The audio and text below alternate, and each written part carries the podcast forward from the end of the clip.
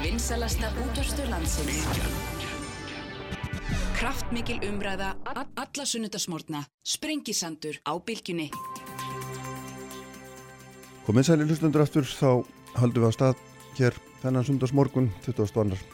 september eins og fyrr segir og hérna uh, förum vít og breytt, uh, fjallum um málumni sorpu hér í lokþáttarins, uh, fjallum um Guðmundar og Gerfinsmál, svona nýjustu vendingar í því, við fjallum um lauruglumál aðeins, fjallum um samgöngumál með Guðmund Andra Tórsinni, Haldur Móhansson og Bryndísi Haraldsdóttur, uh, Aðstætt Sigurgesson, doktor í skó, skó erðafræðingur, doktor verður hér að fjalla um skórækt, lofslagsmál og fleira í þeim dúr, uh, en ég ætla að byrja hér með Sigurði Hannesinni sem er frangandastjóri samtaka innanis, velkomin Sigurður. Takk fyrir það. Sko, hérna, þið voru að tellja íbúður sem er nú út af fyrir sig aldrei merkilegt.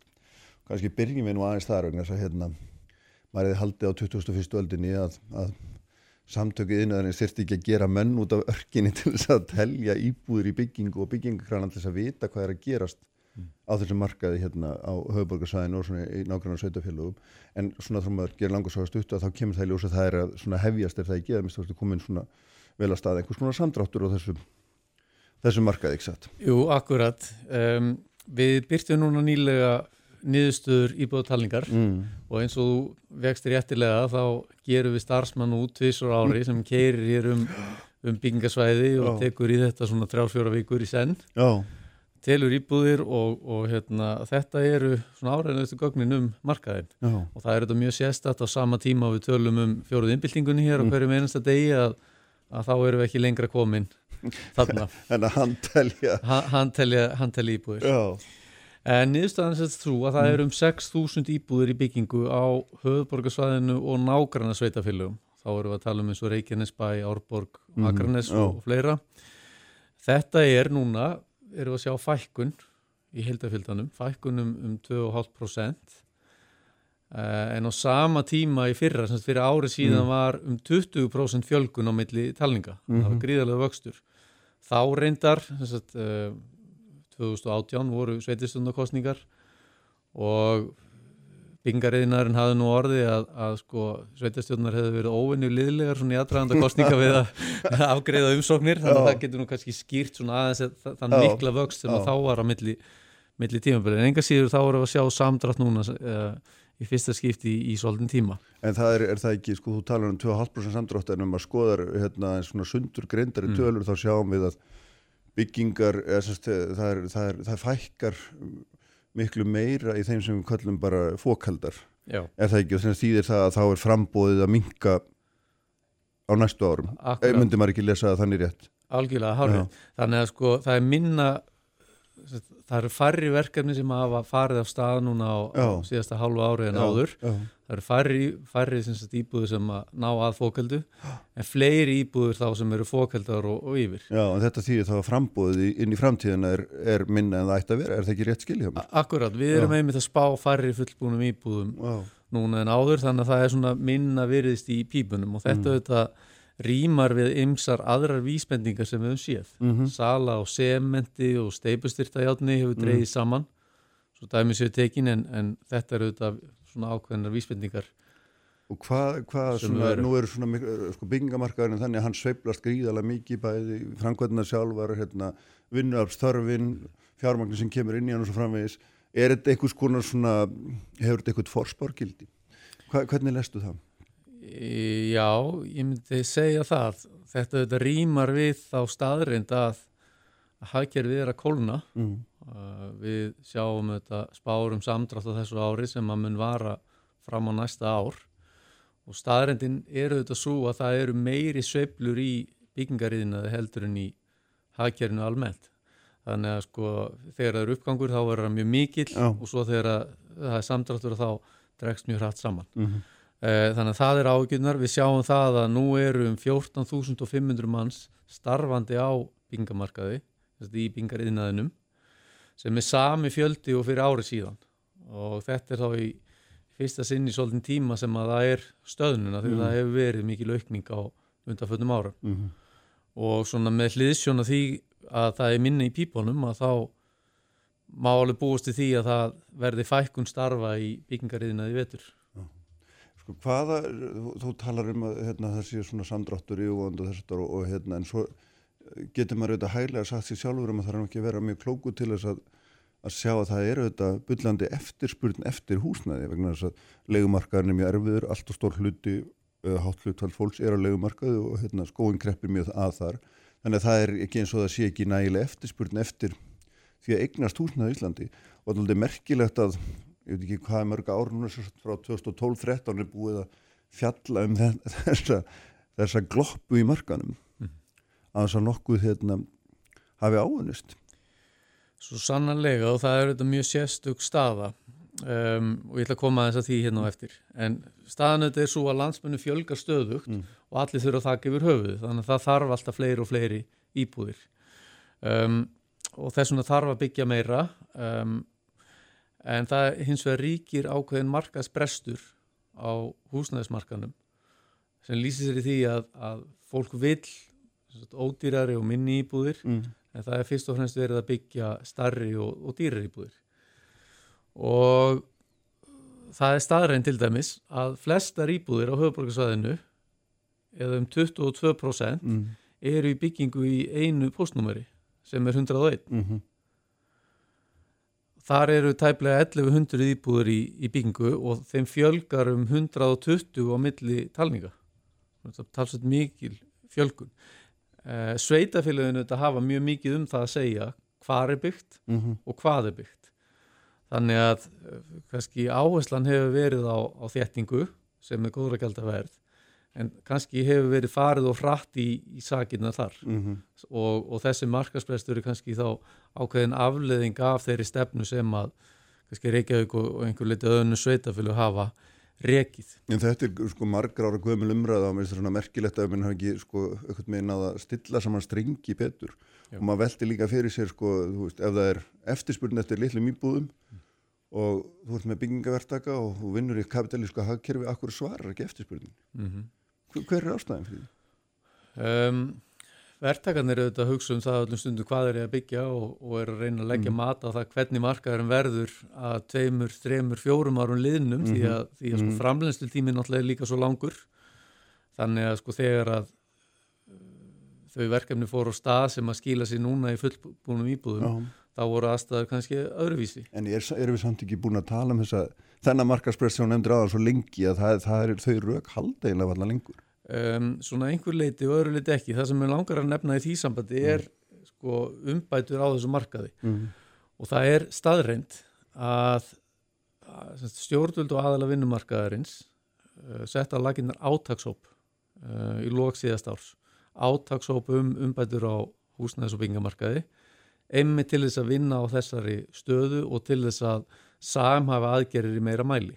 Við til dæmis á samtökum viðnarins sem við talaðum það hvað ábyrðin á málaflokknum sé óskýr, mm -hmm. dreifða mörg ráðanetti, það eru öll sveitafélagin alltaf sem koma að þessu meira minna, það eru margar stopnarnir, þannig að einhvern veginn verður þetta bísna óskýrt en, en, en niðurstaðan af þessu átæki voru þá 40, eða kringu 40 tilugur, þess nú að þá að regluverki að leikumarkaði, fæðið frambóðs og eftirspunnarlið og svo framvegs Um, unnið hefur verið að frekari útfæslu á þessum tillögum núna mm. á þessu ári og niðurstöðunar af þessari talningu hljótuðu þetta að vera enn frekari kvartning til stjórnvalda mm -hmm. um að rinda þessum umbótum í framkvæmt. Þannig að við náum betri tökum á markaðunum, þannig að þessum markaðspresti verði eitt og þannig að hægt sé að byggja íbúður í takti þar, þar um markaðar sem er í mm. fyrirsjánleiki og um leið verður dreyið úr sveplum í, á byggingamarkað. En hvað í þessum tillögum er það sem að getur undið ofan af þessum bresti?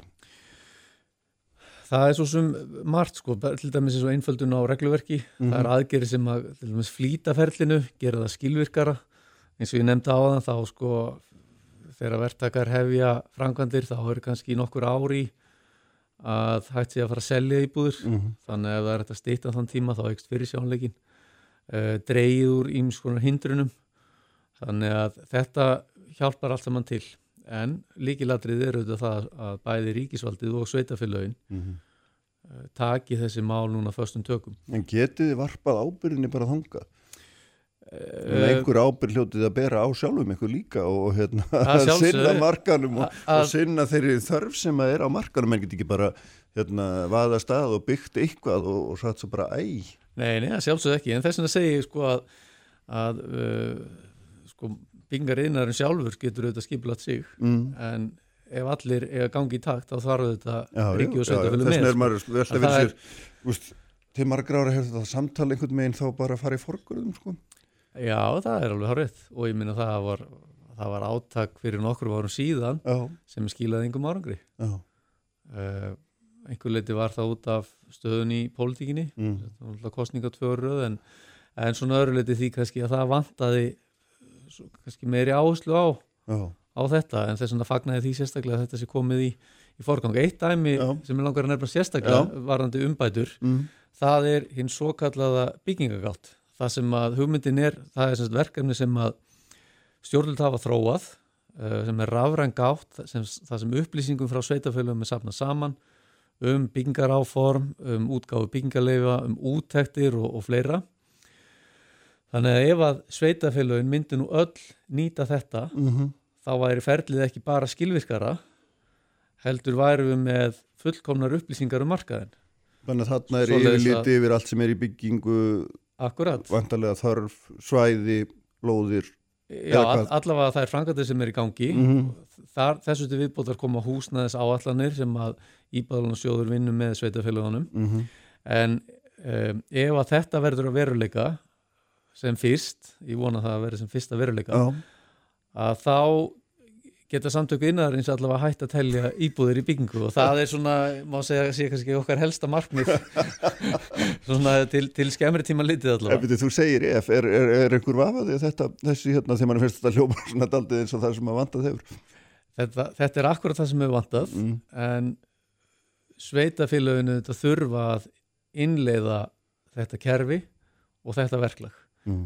og eh, einhver sveitafélag hafa svona fundið að framsetningu á okkar upplýsingum á talningunni. Já, En með því að innlega byggingáttina þá getur það verið laus við samtöku innæðarins út úr þeirri jöfnu þannig að það ætti nú að vera heilmikil kvatti fyrir þau. nákvæmlega. En það er samt sem áður hérna að þessu sögðu sko, finnst mér alltaf það stendur aldrei út af samt sem áður að sko að skilja af hverju hérna hverju fyrirtæki á, á svona, þessum svona kapitalska markaði svara ekki eftir margra ára byð betur þörfum samfélagsins. Já, já. og hérna uh, það, meni, það er bara stór merkild og það lítur líka þá að vera eitthvað sem nú sjáum við að meiri segja litlar íbúður eru mjög dýrar Mm og vantarlega tæplega fyrir svona fólk með lægri tekjur að kaupa lengur. Þetta er munurinn á launum og, og kaupverð íbúð er bara orðin óranhefur já, já, en getur var, það verið? en var þetta, ég, ég þóri nú ekki að segja til um það, en var Nei. þetta sko svar markaðarins við Mm. mm. byggingarinnarins við kallum markaðarins, Mm. að þá þetta sjáum við heilmiklu uppbyggingu í nágrann sveitafélugum höfuborgar sveðisins. Þar eru verið mikil uppbygging á undanfjöndum árum. Þannig að kannski er verið að svara kalli markaðarins. Já, en mér Þar. síndist einmitt hérna, samdrátturinn í íbúðarhúsnaði sem kallast aðfókeldu vera meiri utan höfuborgarsæðisins en innan þess eða ekki núna já. Já, En sko, ég held að staðurinn mála sér svo að að megnið af þeim verkefnum sem hafa Mm. farið að stað á sístu Mm. sex mánuðum eru á vegum óhagnaða drifina leigufélag mm sem eru þá tilherða félagslega kerfinu. Já, eitt sérna áður með gerum smá hlýjasegur sko, það er, það er, þú talar um hérna og hefur oft talað um þessar miklu sveiflur og varst að þjáðan líka Mm. og það er svona forvitnilegt sko, er, er hérna því að nú er, búum við á Íslandi og vantarlegur ást því að sveifla mjög mikil í byggingarinn það er einfallega ekki hægt að vinna utan dyr að nema Mm. ákveðin hluta ársins það er eitt, en annars vegar eða hins vegar segi ég, ertu með sveiflu sem byggir á því að við flytjum inn vinnuafl í Mm. mjög stórum stíl sem að kemur hingað í mjög stuttan tíma vill fleita rjóman af verkefnum sem eru í öllu við sumamánuðina og gera þar að leiðandi vantarlega oft þeim sem eru hérna, smæri fyrirtækjum erfiðara fyrir í samkefni íslenskum fyrirtækjum er það ekki? Sko, maður það- heyrir marga innað menn kvarta yfir þessu. Ég já. borga alltaf mínu skatt á mín allt mín gjöld. Og hér eru fyrirtæki sem flytja en fólk sem engi veit hvaðan kom og hvenar fer aftur. Og þetta er einhver starfsemi sem engi veit hvort það skilar sér engi skattar menn fara bara. Ég, þú þekkir þessar rattir alveg öruglegin já, já, já, já, einmitt, sko, í fyrsta lagi held ég að sko, það er kannski ekki sérstaklega mikil árstíðasöfla, það er náttúrulega eðla í viðhaldsverkum mm, manna, mm. það er erfiðar að mála á veðnarinn og sömbrinn annars sem við þekkjum sko, og allt þetta sko. Akkurat, en, en ég minna eins og nýbyggingar auðvitað hefur sér stað all, allan á sér syng og maður reynir þá að skipulegja verkin eftir, eftir ástíðum um, Erlend vinnu hefur auðvitað skipt miklu máli í þessum vinnaði núna í þessari hagsöflu um, og svona gert okkur kleift að, að byggja þó það sem við höfum byggt mm -hmm. um, sko ég held að það sé ég minna fyrirtækið þetta standa skíl á greiðslum skatta og mm -hmm. gjalda heilt yfir þetta er, eru einhverju svart í söðurinn á milli og við heyrum reglulega sögur af því en ég minna heilt yfir er það þannig að allir vilja standa sér vel. Mm -hmm og lang flestir eru með allt sitt á, upp á tíu. Mm -hmm. þannig ég held að það sé kannski ekki mikið vandamál en ég skilu þetta þessar rattir auðvitað er, auðvitað er erfitt fyrir sko, þá sem eru í fyrirtækjarekstri uh, og, og eru með allt sitt á hreinu að, að horfa upp á misbreysti annar staðar. Mm. af því það auðvitað hefur elli áhrif í, í samkjöfni Þú ert að gera tilbóðsagt við það er þú ert allt og dýr Akkurat Akkurat, en ég held að það sem betur fyrir sé það nú undantekningin að, mm. að menn sé að svindla. Mm. Gott og vel, hérna við skulum gera slutli. Sigur Hannesson, Frankaldsfjörður samtaka innæðarins hérna hjá mig, við höldum áfram eftir augnablík. Sprengisandur á bylgjunni. Uppspretta frétta á Sprengisandi á bylgjunni. Sælir aftur hlustundur, höldum hér áfram þessi leðlikur. Uh, Ræðum málumni Sorpi hér í lók, þáttar Sara Dag Svanildadóttir og Birkir Jón Jónsson, bæjarfjöldrúar, Garðabæ og Kópavói verða hér, uh, þau verða hérna hjá með þingbyndir Guðmundur Andri Tórsson uh, Haldur Móensen og Bryndís Haraldsdóttir. Uh, Aðarsleit Sigurgesson verður hér líka fámálastjóri skórektarinnar og staðgengil skórektastjóra, þetta er nú miklu tillar doktor í, í þessum málumöllum og hérna ræðum loslasmál og skórekt og annað því tengt. En Sigur Hannesson sem er frangastöri samtakað inn aðeins er hérna þá sko hérna við vorum að höfum verið að fjalla markaðin og, og það er eitt sem þú hefur svolítið nefnt og það er þessar, það er, og er auðvitað í lífskjara samningunum, er, er svona, það er stjórnvöld komið einhvern veginn með svona skýrar hætti inn, í, inn á byggingamarkaðin mm. og, og það er svona aldrei merkilegt vegna þess að nú á Íslenska ríki tvo banka og þú ert líka að segja það í grunninn að þeir halda sér höndum í ögnablikinu, þeir vilja ekki lána meira út á hana markað og, og að því leitum til vandan einhvern veginn súrefnið sem að hérna sem að sko það er svona daldið sko ríki bæði hérna heldur og sleppir í einu. Því að þetta áða bankana og, og þarna geti þá hæglega með einn svona dælt súrefnin á markaðin ef að það teldi það efnahagslega röggrétt sem að það virðist þá vera ekki satt. Uh, það væri verið að fjárfesta í hagveisti með því að hérna halda markaðnum uh, vel á flotti uh, en, en á samanskapi dregur það samanseglin mm -hmm. ég meina er þetta staðan? Sko ég held að sé ekki ég held að bankarnir vilja lóna meira ég held að bara mm. geti það ekki í þeim mæli sem þarf mm -hmm. og það auðvitað, hefur áhrif vegna þess að færri það, það er þá minnað um fjárfestingar fyrir vikið mm -hmm. sjáum það allir eins og íbúðatalningunni það eru færri verkefni sem fara á stað núna heldur en 6 mánuð undan eða 12 mánuð undan -hmm. um, þannig að það hefur allt, allt áhrif það sem auðvitað er mjög sérstakt um þessa mundir er það að nú stendur til að auka enn á kröfur um eigin fyrir bankana, eigin fyrir hlutvöld bankana. Mm -hmm. Það þýðir á mannamáli að þeir muni hafa enn minni getu til þess að lána út fjármagn. Og þetta er, og þetta er að kröfu þess að samaríkis sem við erum að tala um. Þetta er að kröfu samaríkis sem við tölum um. Mm. Það er þá, þá Sælabankin og, og, og hérna, fjármálægstildis og, og stjórnvöld sem að, sem að leggja þetta til ákvörðunin um þetta eru þetta tekin við alltaf aðstæður heldur en uppir núna. Þannig að þetta er eldri Þannig að þetta er eldri ákvörðun mm -hmm. uh, og ákoma til framkvæmtum um áramótin. Þannig að sko staðan er slæm núna en verður en þá verri. Gangið e, þetta eftir. Eskili, en þannig að það við erum þá að sjá það allavega hvað var það þáttins ofinbæra það hérna, það hérna samþykir þörfina fyrir að setja súröfnin á markaðin í gegnum lífskjara samlingana og þessar umbota áallanir sem þú vart að nefna en, mm en heldur fjármagninu frá honum með hinni hendinni. Akkurat, það er mjög sérstatt við þessa stöðu sem hann nú ríkir. Mm. og við sjáum það þetta að hagkerfið er að kólna. Staðan hins vegar er aldrei áhugaverð vegna þess að, að sko sögulega séð hefur þá gengi krónar veikst uh, með tilherandi áhrifum á verðbólgu og annað en, en það gerist ekki núna við það að gengi hefur veikst þá hafa útlunnsgreina styrst þannig að við höfum fengið meira fyrir þá innavöru, Mm, fyrir mhm. fiskinn og, allt en, en það gerist ekki núna því að staða þjóðabúsins er miklu sterkari en áður Mhm. Uh, hún lýsir sig meðal hans í því að erlend staða uh, þjóðabúsins er, er miklu betri, hún hefur aldrei verið eins góð og núna allt í einu eigum við eignir umfram skuldir erlendis sem nefnur uh, 22% á landsfæðanslu Mhm. en hefur yfirleitt verið í mínus. Uh, það er öflugur gjaldirisvaraforði, uh, skuldir ríkisvós hafa lækkað og þetta, þetta eigur allt tiltrú á, á stöðuleika krónar og gerir selabankunum kleift að halda verðbólgu innan marka þannig að það þarf ekki að hækka vexti núna eins og venjulega. Nei. Þessar aðstæður heldur er þetta að lækka þá. En ertu heldur að, að það verði áfram? E, já, selabankstjóri hefur nú ítrekkað talað um svigrum í þá Mm, veru þannig mm. að ég reikna með því, fastlega með því að svo verði. Hvaða áhrif myndi það hafa? Um, það ætti að hafa jákvæð áhrif á eftirspurn, það Mm. mm. ætti að örfa eftirspurn í hagkerfinu en það er ekki víst að það gerist út af stöðunni í fjármagerinu. Mm. Þannig að þeir sem eiga þá að, að lána og eru milliliðir um Mm. varandi fjármagn í landinu að þeir geta ekki lána vegna hærri eigin fjárkrafna. Já, það er svolítið merkild í hagkerfinu og það er þessi kraftara verki oft sem tóga einhvern veginn svona í gagstæðar áttir og eitt af því sem við höfum verið að berjast fyrir í mörg ári og vextir lækki Mhm. en það sem við höfum séð líka er það að hver skipti sem vextir lækka þá hækka bara verðið, Mhm.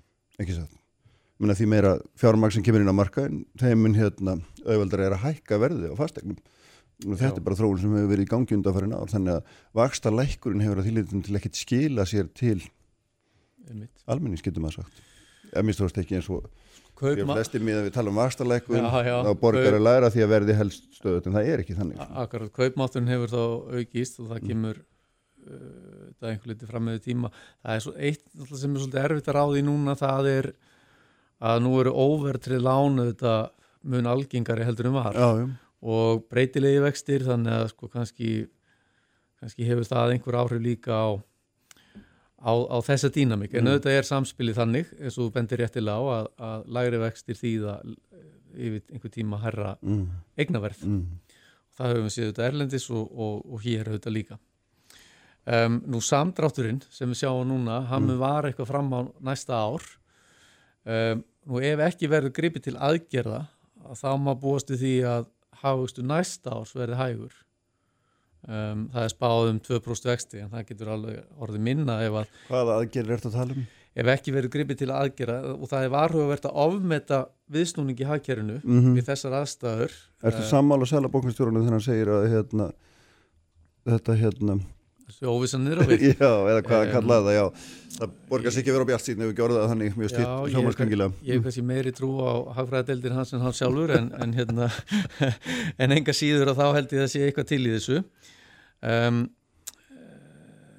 og gleymi því ekki að þessar hagspári eru þetta grundvöldur að ákvarðanatöku. Það er leggja grunninn að fjárlögum að ákvarðunum selabankans um vexti og, og, og fleira. Mm.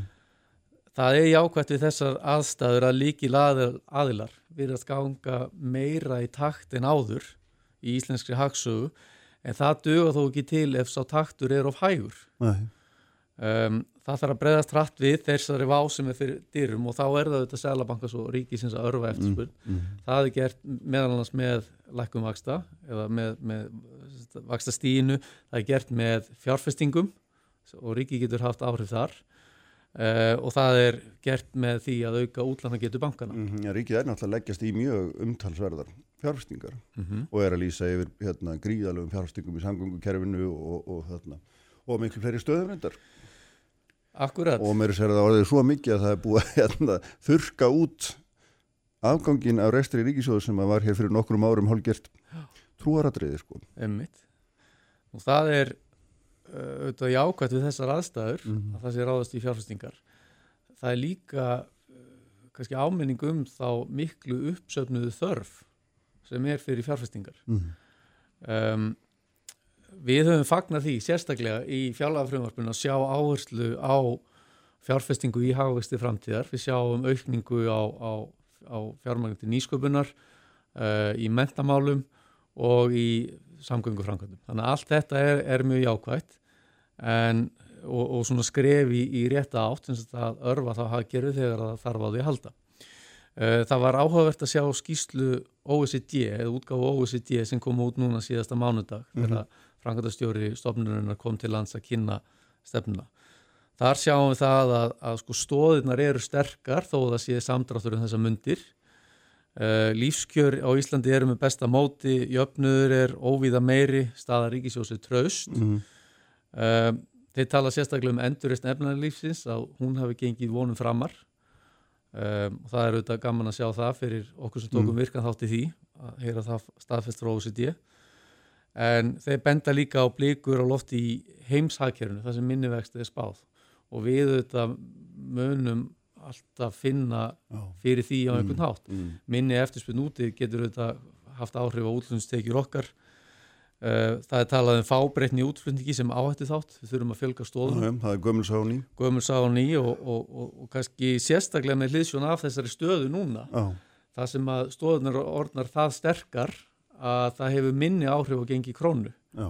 Að þá þurfum við fleiri stóðir. Mm -hmm.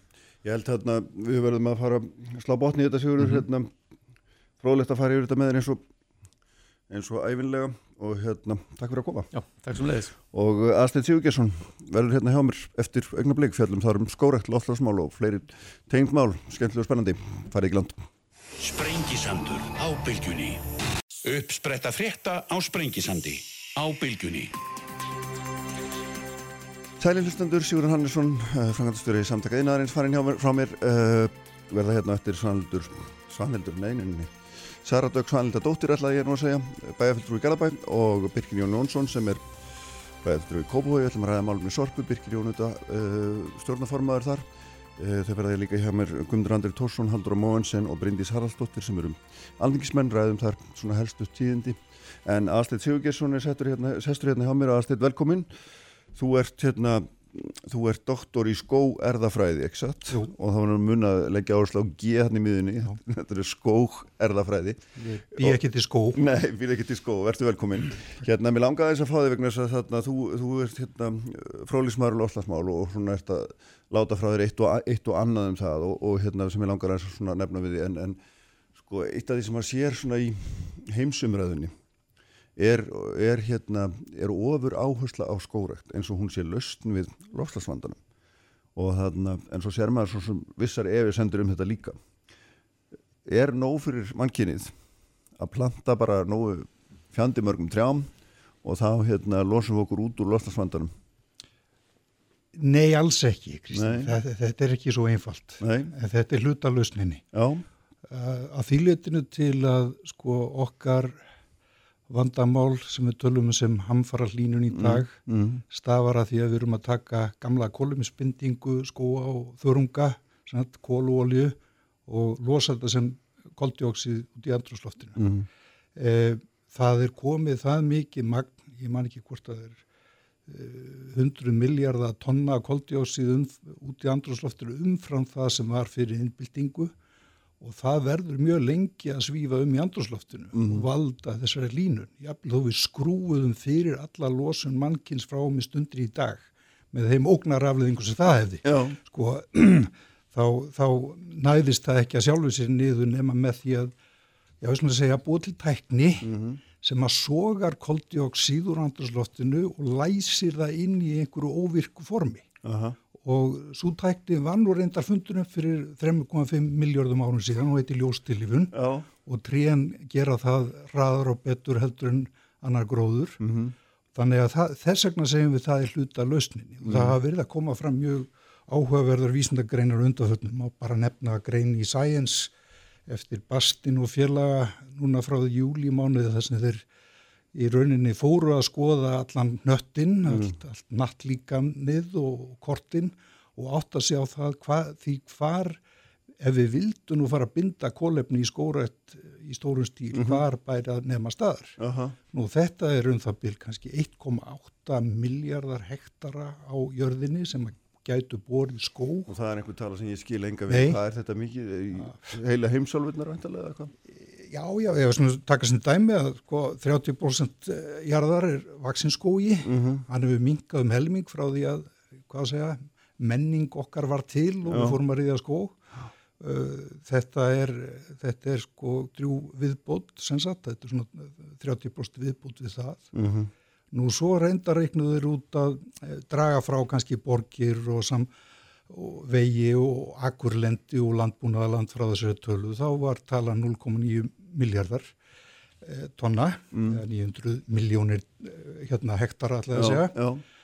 Nú það var með þess að Ísland tekja með í þessa analýsu. Mm -hmm. Það var ennþá fjörðungur landsins, 25.000 ferkilometrar sem að var ekki verið að nota í neitt annað, Já. var ekki vaksið skói mm -hmm. og sérstaklega að taka með þess að helda tölu mm -hmm. og með þessu móti sögður að mætti í rauninni binda á næstu áratugum tvo þriður hluta því sem mannkinn hefur verið að losa frá uppafi innbyltingar. Mm -hmm.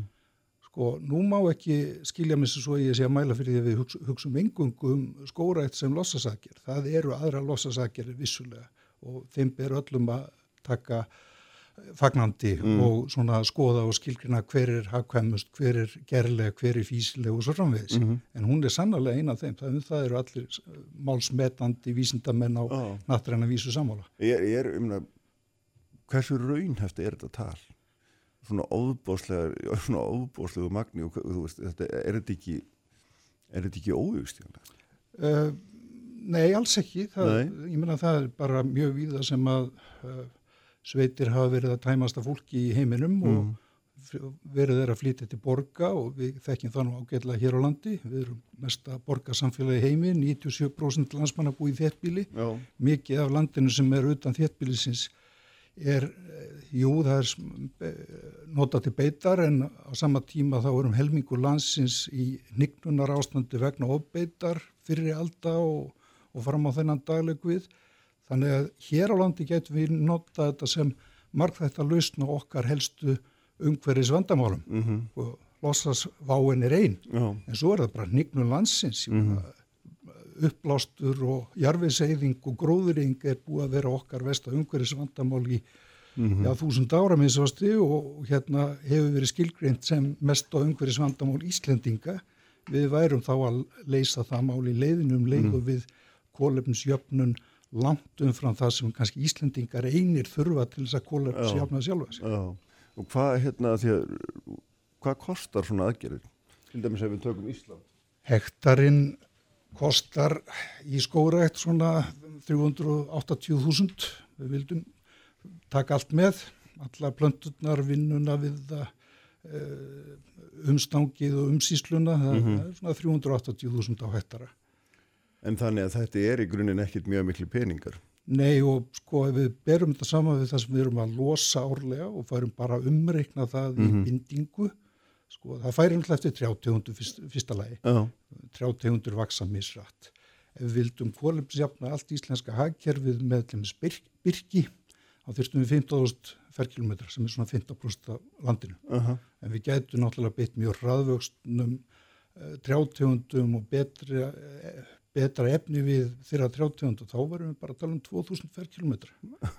Hvaða tegundur varu það þá? Alaskasp. Já, já. Hún er langsamlega hraðvaksnust allra. Já.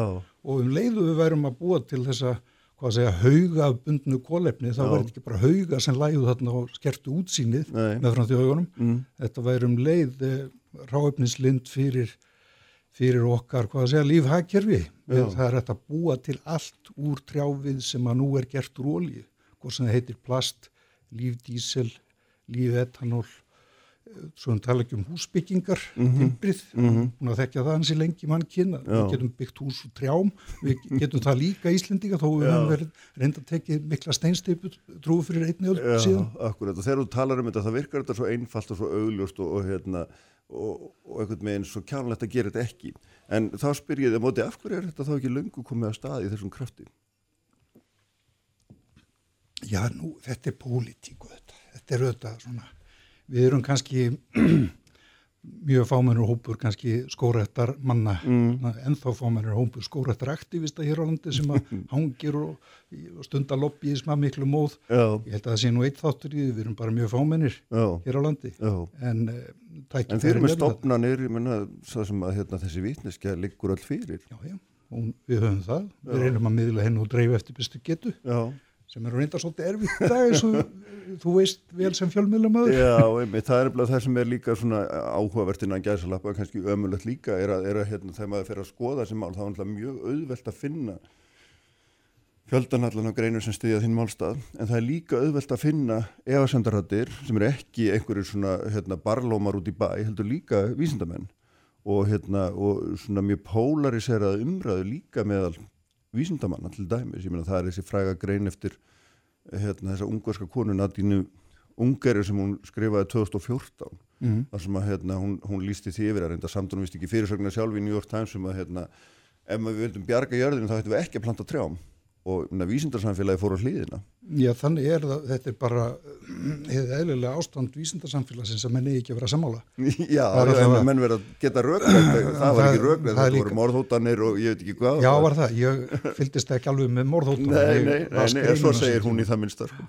Já, sko, það sem hún var að benda á sín tíma var að með því að búa til skóð, það sem að skóurum er í dökkur, stæðan fyrir það sem yfirborðið væri ljóst áður, mm. sérstaklega veturna þegar það er snjór og þá voru hún að tala kannski meira um svona bandaríkin, ustanverð, það sem er svona kalt á veturna og snjór yfir, Já, en samt mjög suðlegt með við okkur, að þá hérna myndi endurskinnið verða minna af þessum dökku skóum heldur en þessum ljósa fleti. mm Nú það er nú búið að rannsaka þetta og meiri sig hér á landi með af okkar sérfræðingum mm.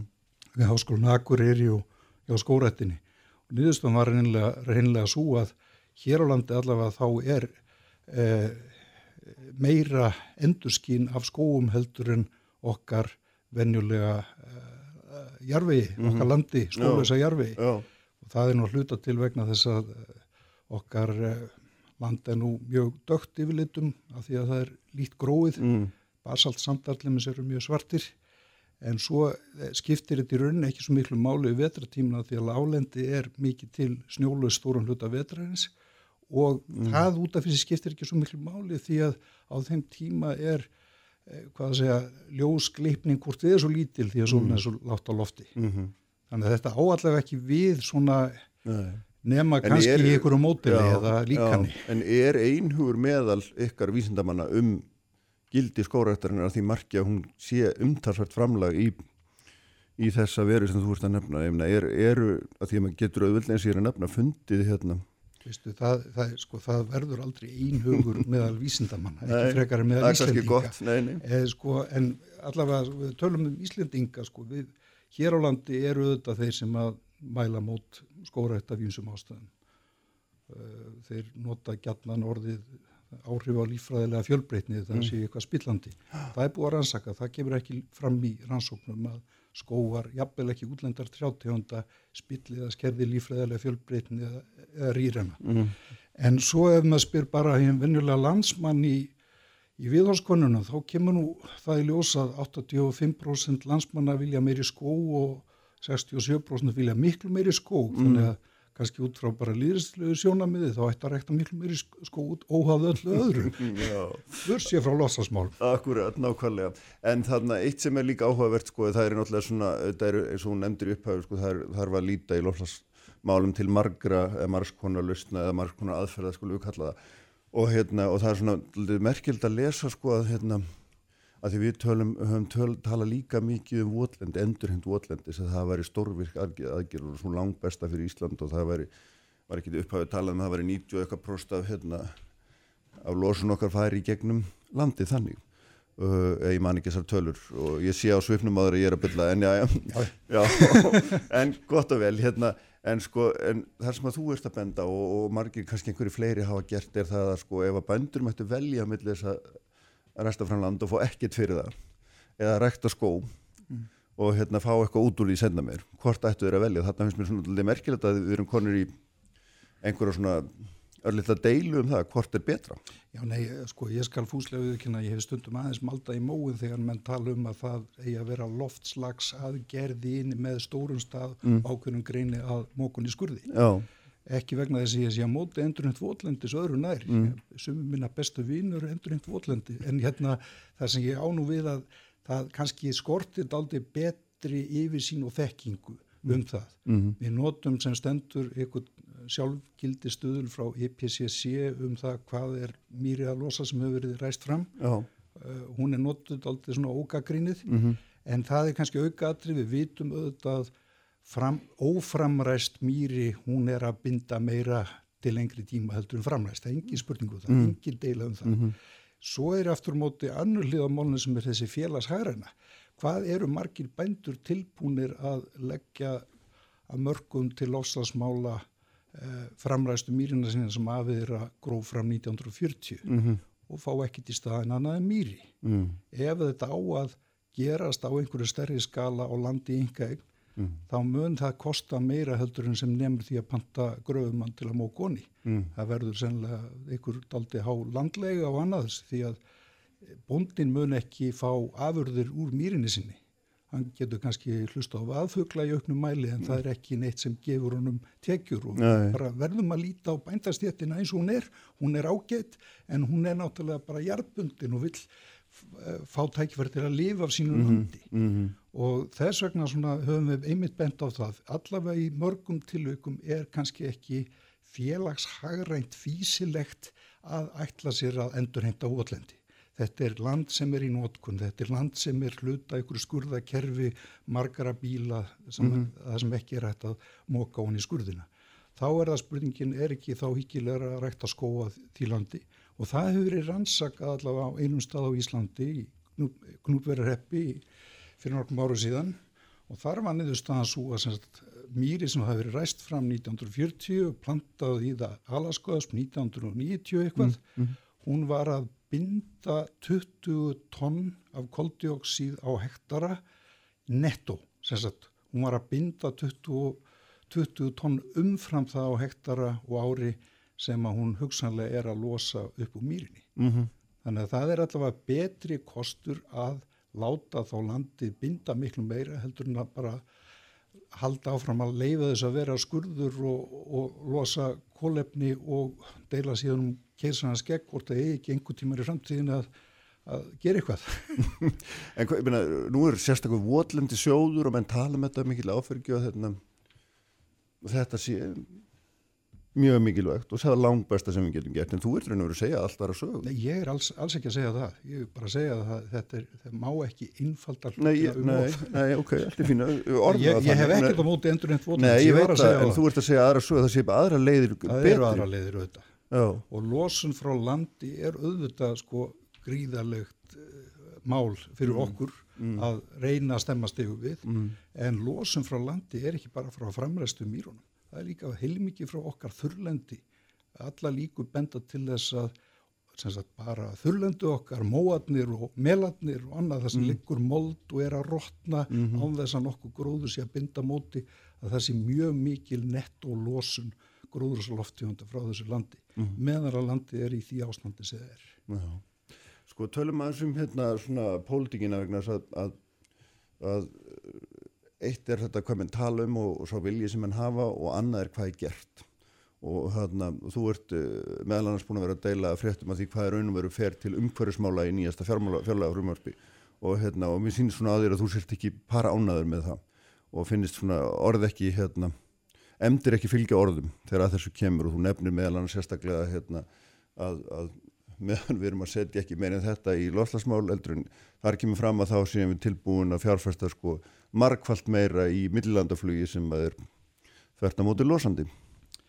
Já, sko það er, mér vilja, sko ég er ekki að deila á stjórnmálaflokka eða einstaka pólitíkus að almennt, það er, það er auðvitað við sem kjósum þetta og við viljum mm. þetta mm. og það er greinilega miklu meiri vilji landsmanna til þess að losa meira heldur en að binda. Það er ekki vilji til þess að draga úr losun. Mm. Eh, þegar ég var nú að vísa í frétta sem að að 2% af eh, fjallögum þess ás fara í umhverjismál það, sko, umhverfismáli eru mjög stór málaflokkur í það síður. Mm. Þetta eru 20 miljardar sem að fara í umhverfismál, já, já. en umhverfismál er ekki bara lossasmál og, og aðgerðir lossasmálum. Uh, þetta eru, já, þetta eru varnir gegn náttúruvá, stjórnsísla umhverfismála, náttúruvend, rannsóknir og vöktun á náttúru Íslands, mm, mjög margt mm, annað. Mm, en ef við færum að reyna að draga eitthvað svona sundur, hvað er verið að gera, leggja fjö til þess að binda kólefni, þá bara staðnæmist með, með við tvær stopnarnir, það er annars að skórettinn og landgræðslan sem fær sikkot svona tæplega miljard mm -hmm. til verkefna og auðvitað er þeirra verkefni ekki bara það að binda kólefni þó að bæði séu komið ný lög þar sem að þetta er minnst á þetta sem megin tilgangur þessara stopnarna, mm -hmm. einna megin tilgangunum en þeir eru að fá til saman svona 2 miljardar og þá erum við ekki að tala um sko neinn 2%, við erum að tala um 0,01% af fjárlögunum mm -hmm. til beinleins aðgerða í lofsasmálum með kóluminsbindíku. Uh -huh. Nú má vel vera að það sé einhverjir fjármörur einhver staðar ætlaði til þess að draga úr losun og allt það sko mm. með öðrum hætti heldur um bindingu. Ég, ég hafði nú ekki tækifæri til að glöggva mig á því nákvæmlega. Nei, nei, nákvæmlega. En þú ert að, þú ert að, að segja okkur það með þessum tölum að, hérna, að framlægi sé ekki í takt við Já, sko, yfirlýsingarnar. nú er bara hægt að lesa nýjustu fjárlögum að sko, fjárheimildir til til dæmis skóraðarna þeir lækka milli ára.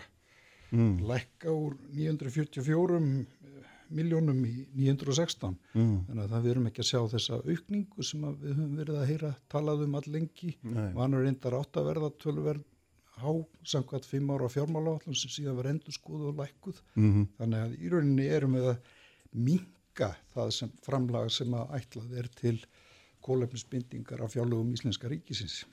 Þannig að við erum ekki að sjá hérna, við erum ekki að sjá stórvirka ræktunarstar sem ég uppræktun hérna, alaska aspar um landi. Nei, þessum... fólk er mjög hrætt við það, það, það stóru aukist allt í næsta árið, þá er það allavega ekki í kortónum hjá samkvæmt fjárlögum. Það er allt einnig gott að fá þig gafnátt fjalla við. Takk fyrir að koma. Og þau verða þetta hjá mér þingmenni Guðmundur Andri Tórsson, Haldura Móinsen og Bryndís Haraldsdóttir eftir augnablík farið í land. Sprengisandur á bylgjunni.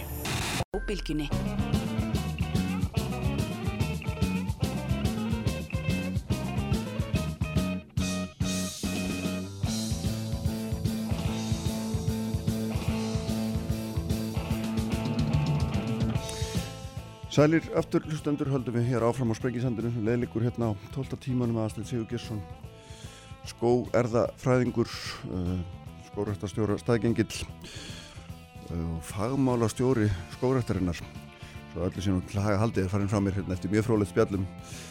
Hlut skórættar í lausn á, á loslasvandanum, hlínum jarðar og framvegs margt þar áhugavert og aðdílisvert sem hann setti fram.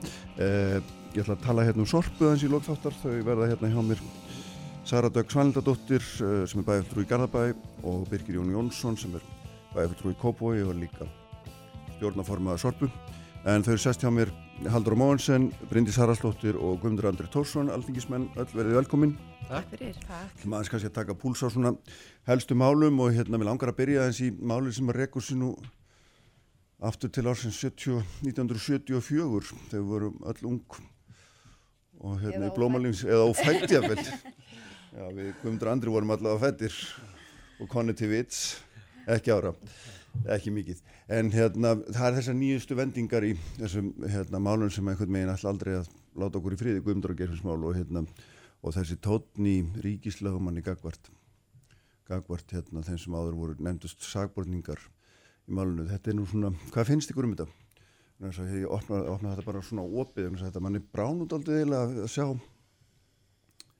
sjá svona kuldalega framsetningu Já Já, þú byrjar, Andri, ég veit að þú hefur verið að skrifa aðeins um þetta og, hérna, og ekki í fyrsta skipti. Nei, það er náttúrulega eins og málið, svona, ég, mann náttúrulega fylgist með þessu, maður mm. var úlingur á þessum árum og þetta, ég, ég man mjög vel eftir hvernig þetta svona grúði yfir þjóðlífinu, þetta, þetta mál og hafði djúpa áhrif á allt samfélagið og, og, og okkur öll. Uh, uh, og, og þessi dómarfjallu og hérna þrátt verið það að, að hérna það fundust ekki lík, það fundust ekki morðvotn, það fundust ekki tengsl milli ætlaðra morðingja og, og meintra líka og það fundust ekki mátíf það fannst ekki neitt en hins vegar komið fram hjáttningar það voru mm. knúðar fram hjáttningar og við vitum núna að þær voru knúðar fram með harræði og, og þess vegna var þessum dómum nekt í hæstarétti innilega.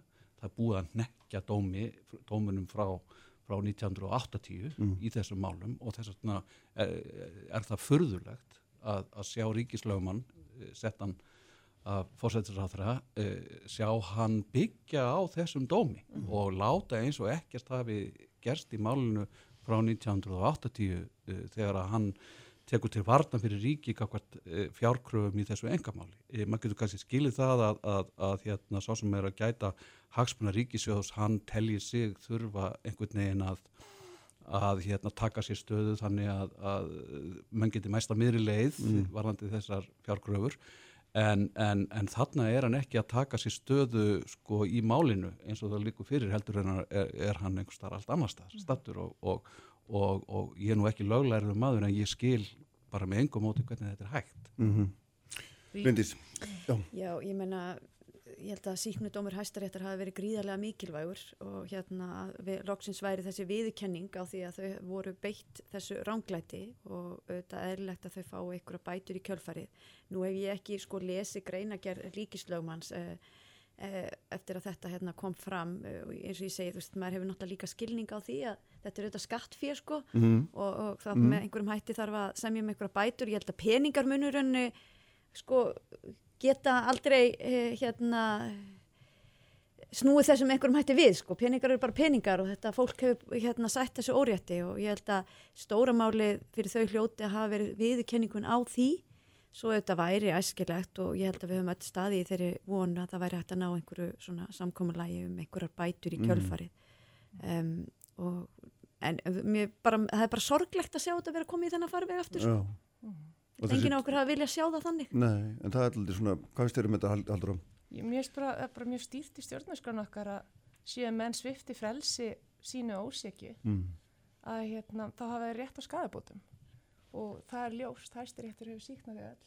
Og þau voru fangelsuð og sett í einan grunna óseki og svo voru þau ekki pintuð Jú, voru ekki pintuð og það bara ríkið á að standa verðum réttindi Einhverjur eru ekki öll Nei, einhverjur eru og ríkið á að standa verðum bara réttindi borgarna fram yfir mm. eigin bytti, mm. veist, fram yfir, fram yfir eigin hag, en þeir réttindi borgarna hljóta að vera hagur ríkisins. Finnst þér þá að bara ríkið eigi bara að segja hérna, já við þessum kröfum sem uppbyrju komnar? Já, mér finnst allavega með ólíkitum að ríkislegum er látað út í sér að hafna öllum kröfum um skadabættir. Það er bara úrslega fyrirlega afstæð. Það er eitthvað þú veist, þetta er svona um, það verður svona verið eitthvað grundvallar miskilingur innan íslenska stjórnsýslu að, að hérna að ríkið eigi eitthvað neina að vera að hagsmuninir séu þú veist byttan sko, frekar mm. heldur en réttindi borgarana Já. og ég, umbúsmar alþingis hefur mér þess að haft orða á þessu.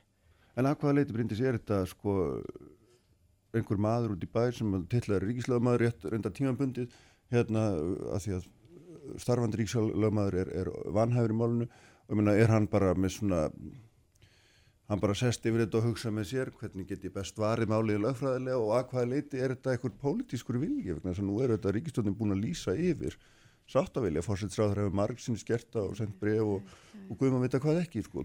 Ég, ég sé ekki að það sé einhver pólitík í þessu, ég held að þetta hljóta að vera bara einhver lögfræði sko. bara, er hún þá bara svona utan við veruleikan eitthvað? Já, ég meina það koma fram, ef ég skildar ég eftir, mjög háar kröfur frá þeim já, og já, já. þú veist og ég, mér skilst að það sé búið að reyna að ná einhvern sáttum jú, jú, um það jú, og það hefur ekki tekist og, og þá er bröðist við með þessum hætti. Og ég get ekki sé að það sé einhver pólitík í því sko. En hver er þá ábyrð fórstættisráður bara ef við spyrjum þú veist að því, hver er ábyrð hennar í þessum máli, veist, er það ekki á hennar ábyrð að ríkislögmaður uh, fylgi svona lögmætisreglunni. Þar að segja að ríkistandi verðum ja, er, um réttandi borgarna frekar að verja ríki reyna, sko, að spyrja um. Já, sko, krö, krö, kröfurnar sko, sem að Guðjón Skapíðarsson setur fram það er nú bara sko, framreiknaðar bætu sem mm. að hérna, menn fengu vegna þess að þeir voru neftir í gæslu varðhald að, að ósegju e, í tengslu við þetta mál eins og við, við munum og fengu síðan bætur frá ríkinu. Manstu hvað krafan er? 1,3 miljard Já, og, og þetta er sérst framreiknað það, þær bætur sem þeir fengu. Sko ríkið fjórmenningarnir hérna svo gott klúpsmennir það sem er svo förðulegt sko við, við framgöngu þessa setta ríkislöfma sem er þarna á vegum uh, fórsættisráttir og er mm. þar með, þar með fulltrúi okkar já. fulltrúi almannavalsins e, það sem er svo förðulegt er það að hann tekur sér stöðu eins og dómurinn frá 1980 standi og að hjáttningarnar séu lögmætar þannig mm. að talar um að Guðan geti sjálfum sér umkent e, og og, og en ríkið hefur nú þegar viðurkent skadabóta skildu sína með því að bjóða skadabætur sem eru mm -hmm. bara lægri mm -hmm. og, og, og þar með liggur það fyrir að ríkið er skadabóta skild en þarna kemur ríkis lögmaður settur og segir ríkið er ekki skadabóta skild mm -hmm. Og ég sé bara ekki hvernig hann getur farið fram með þessum hætti ég, ég bara skilða það ekki mhm. og hérna og að auki hefur fósættisráttur á þjóðurinnar beðið þetta fólk afsökunar fyrir hönd okkar allra. Og lísti yfir að hún vilja ná sattum í málunu. Já, já. já Þannig að þetta er svona eh, lögmaður sem að starfir einhvern veginn eins og, eins og stundum lögmannum hættir kannski til að gera, starfar einhvern veginn utan og ofan við heiminn. Er bara einhvernum laga, er bara upp á sínum laga himni standur og hérna og, og verðist algjörlega ólæs á allt samfélagi og ólæs og virðist ekki gera sér grein fyrir því að hann starfar í samfélag. En er hann ekki bara með eitthvað skýrt hlutverk hérna Andrið sem er bara þetta að verja sinn skjólstæðing fyrir þeim kröfum sem að, hérna, er gerðar? Ég myna, Já ég menna hann er, er, það mæti halda að hann væri, hann væri í gæsluverð og einangur. Hann er einhvern veginn lætið þannig. Nei, ég, en, ég held þetta hljóti nú bara, þú veist, það snúast um það, það þarf náttúrulega samkomiðlega um, um þessar upphæðir og jú, jú, það er sagt þetta sé framreiknað en svo er þetta líka eitthvað fortæmis gefandi, þú veist, auðvitað þarf líka að huga að, að ríkiskassanum, þetta er mm. skatt fyrir okkar allra sko. Mm -hmm. og eins og ég segi, hva, hversu langt ná peningar til þess að bæta upp fyrir það sem gerst, gerist fyrir þetta fólki, ég held að Já, já, maður hefur aldrei komið fram náttúrulega hvað ríkið í raun og veru var tilbúið að að greiða, en, ég hef ekki, ekki séð það neist að En þetta er alltaf áhugavert líka mm. bara út af því að umbústmar alþingis hefur sendt uh, bréf til stjórnskipunar eftirleitsnefndar um, í kjálfærið á landsreittar málunni þar sem hann nefnir talar um að þetta virðist vera eitthvað trend í stjórnsýslinni og, og, ætlar, og hugar að því og segir í þessu bréfi að hann ætla, ætla að fara í frumkvæðisatugin á þessu máli. Það er að segja trendið að, að, hérna, að sko ríkið sé frekar að verja eitthvað peningahagsmunni með kæft og klóm heldur en réttindi borgarinnar. Mm. Umbúrsmar alþengis hefur bara sagt mér skýrt að þetta verist verið eitthvað trend í stjórnsíslinni. Verja sitt. Kerfið verja sitt. Og... Kerfið að verja sitt sko, í mm. staði fyrir að standa vörðum réttindi borgarinnar. Og kannski er þetta sko, dæmi um... Átt okkur á því að við öll sem borgarar sko eigum þennan ríkisjóð sko, þetta eru skattpeningarnir okkar, þannig að það er að standa vörðum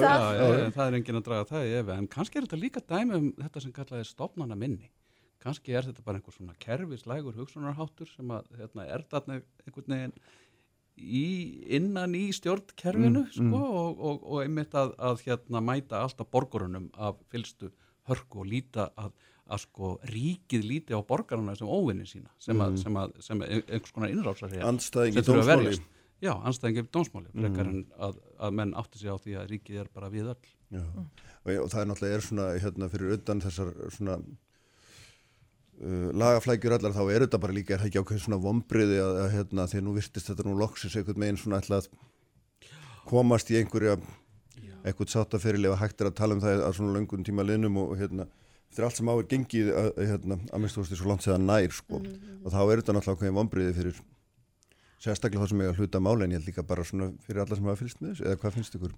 Jú, sjálfsög. Mér finnst það bara sorglegt. Ég held að sko, það, það fólk sem að gekk í gegnum þetta, það hefur náttúrulega upplifað það sem gætla er áfallastreitur öskun mm -hmm. og, og við þekkjum það að, að fólk sem að hérna, er haldið áfallastreitur öskun, það má við litlu þegar að, hérna, þegar að hérna, yfir upp gömulsár og við getum rétt ímynda okkur hvernig það er að fá, fá þetta er svo blöta tusku framann í andlitið að ríki líti svo ekkert á að, eftir allsamanna mm. hérna, að þú hafi verið byttur órétti en svo er ríki er ríkislögumæður í þessu tilvíki en svo er náttúrulega fórstræðan gaf strax út tilkynningu þar sem að vann veila bara í í þversögn Já, en hún skiplaði hann.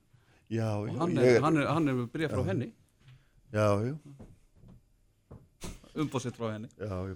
Heyrðu, hérna við skulum kannski komast ekki hérna mikið lengra með þetta í bíli og sjáum hvernig hérna hvernig þessu vindu fram. Ég langaði þess að taka upp með ykkur mál frá því hérna í síðustu viku vegna þess að þá byrtist hérna fyrir áttadögum viðtal við lauruglustjórun, ríkislauruglustjórun í morgunblæðin og lögadeginum hérna þess að mann fór mikinn og rætti um ófremdar ástandi lauruglunins að það aldrei hafa upplifað annað eins hérna, því líka ófræðingar herrferða sínur hendur væri verið að reyna ídónum úr embætti og hérna, sérsveitin væri menningar afkými, þá er alltaf mm. silkihúur, peninga væri ekki nýttir, skipulagi væri ónýtt og ef, svona getur maður endalust talið og þarna, svo var þetta aldrei merkild að svo fór hún að hitti dásmálráðurann og hérna, kom út með þau skilabóð að það væri eiginlega besta laurglan bara rætti þetta einundra og ég veit ekki.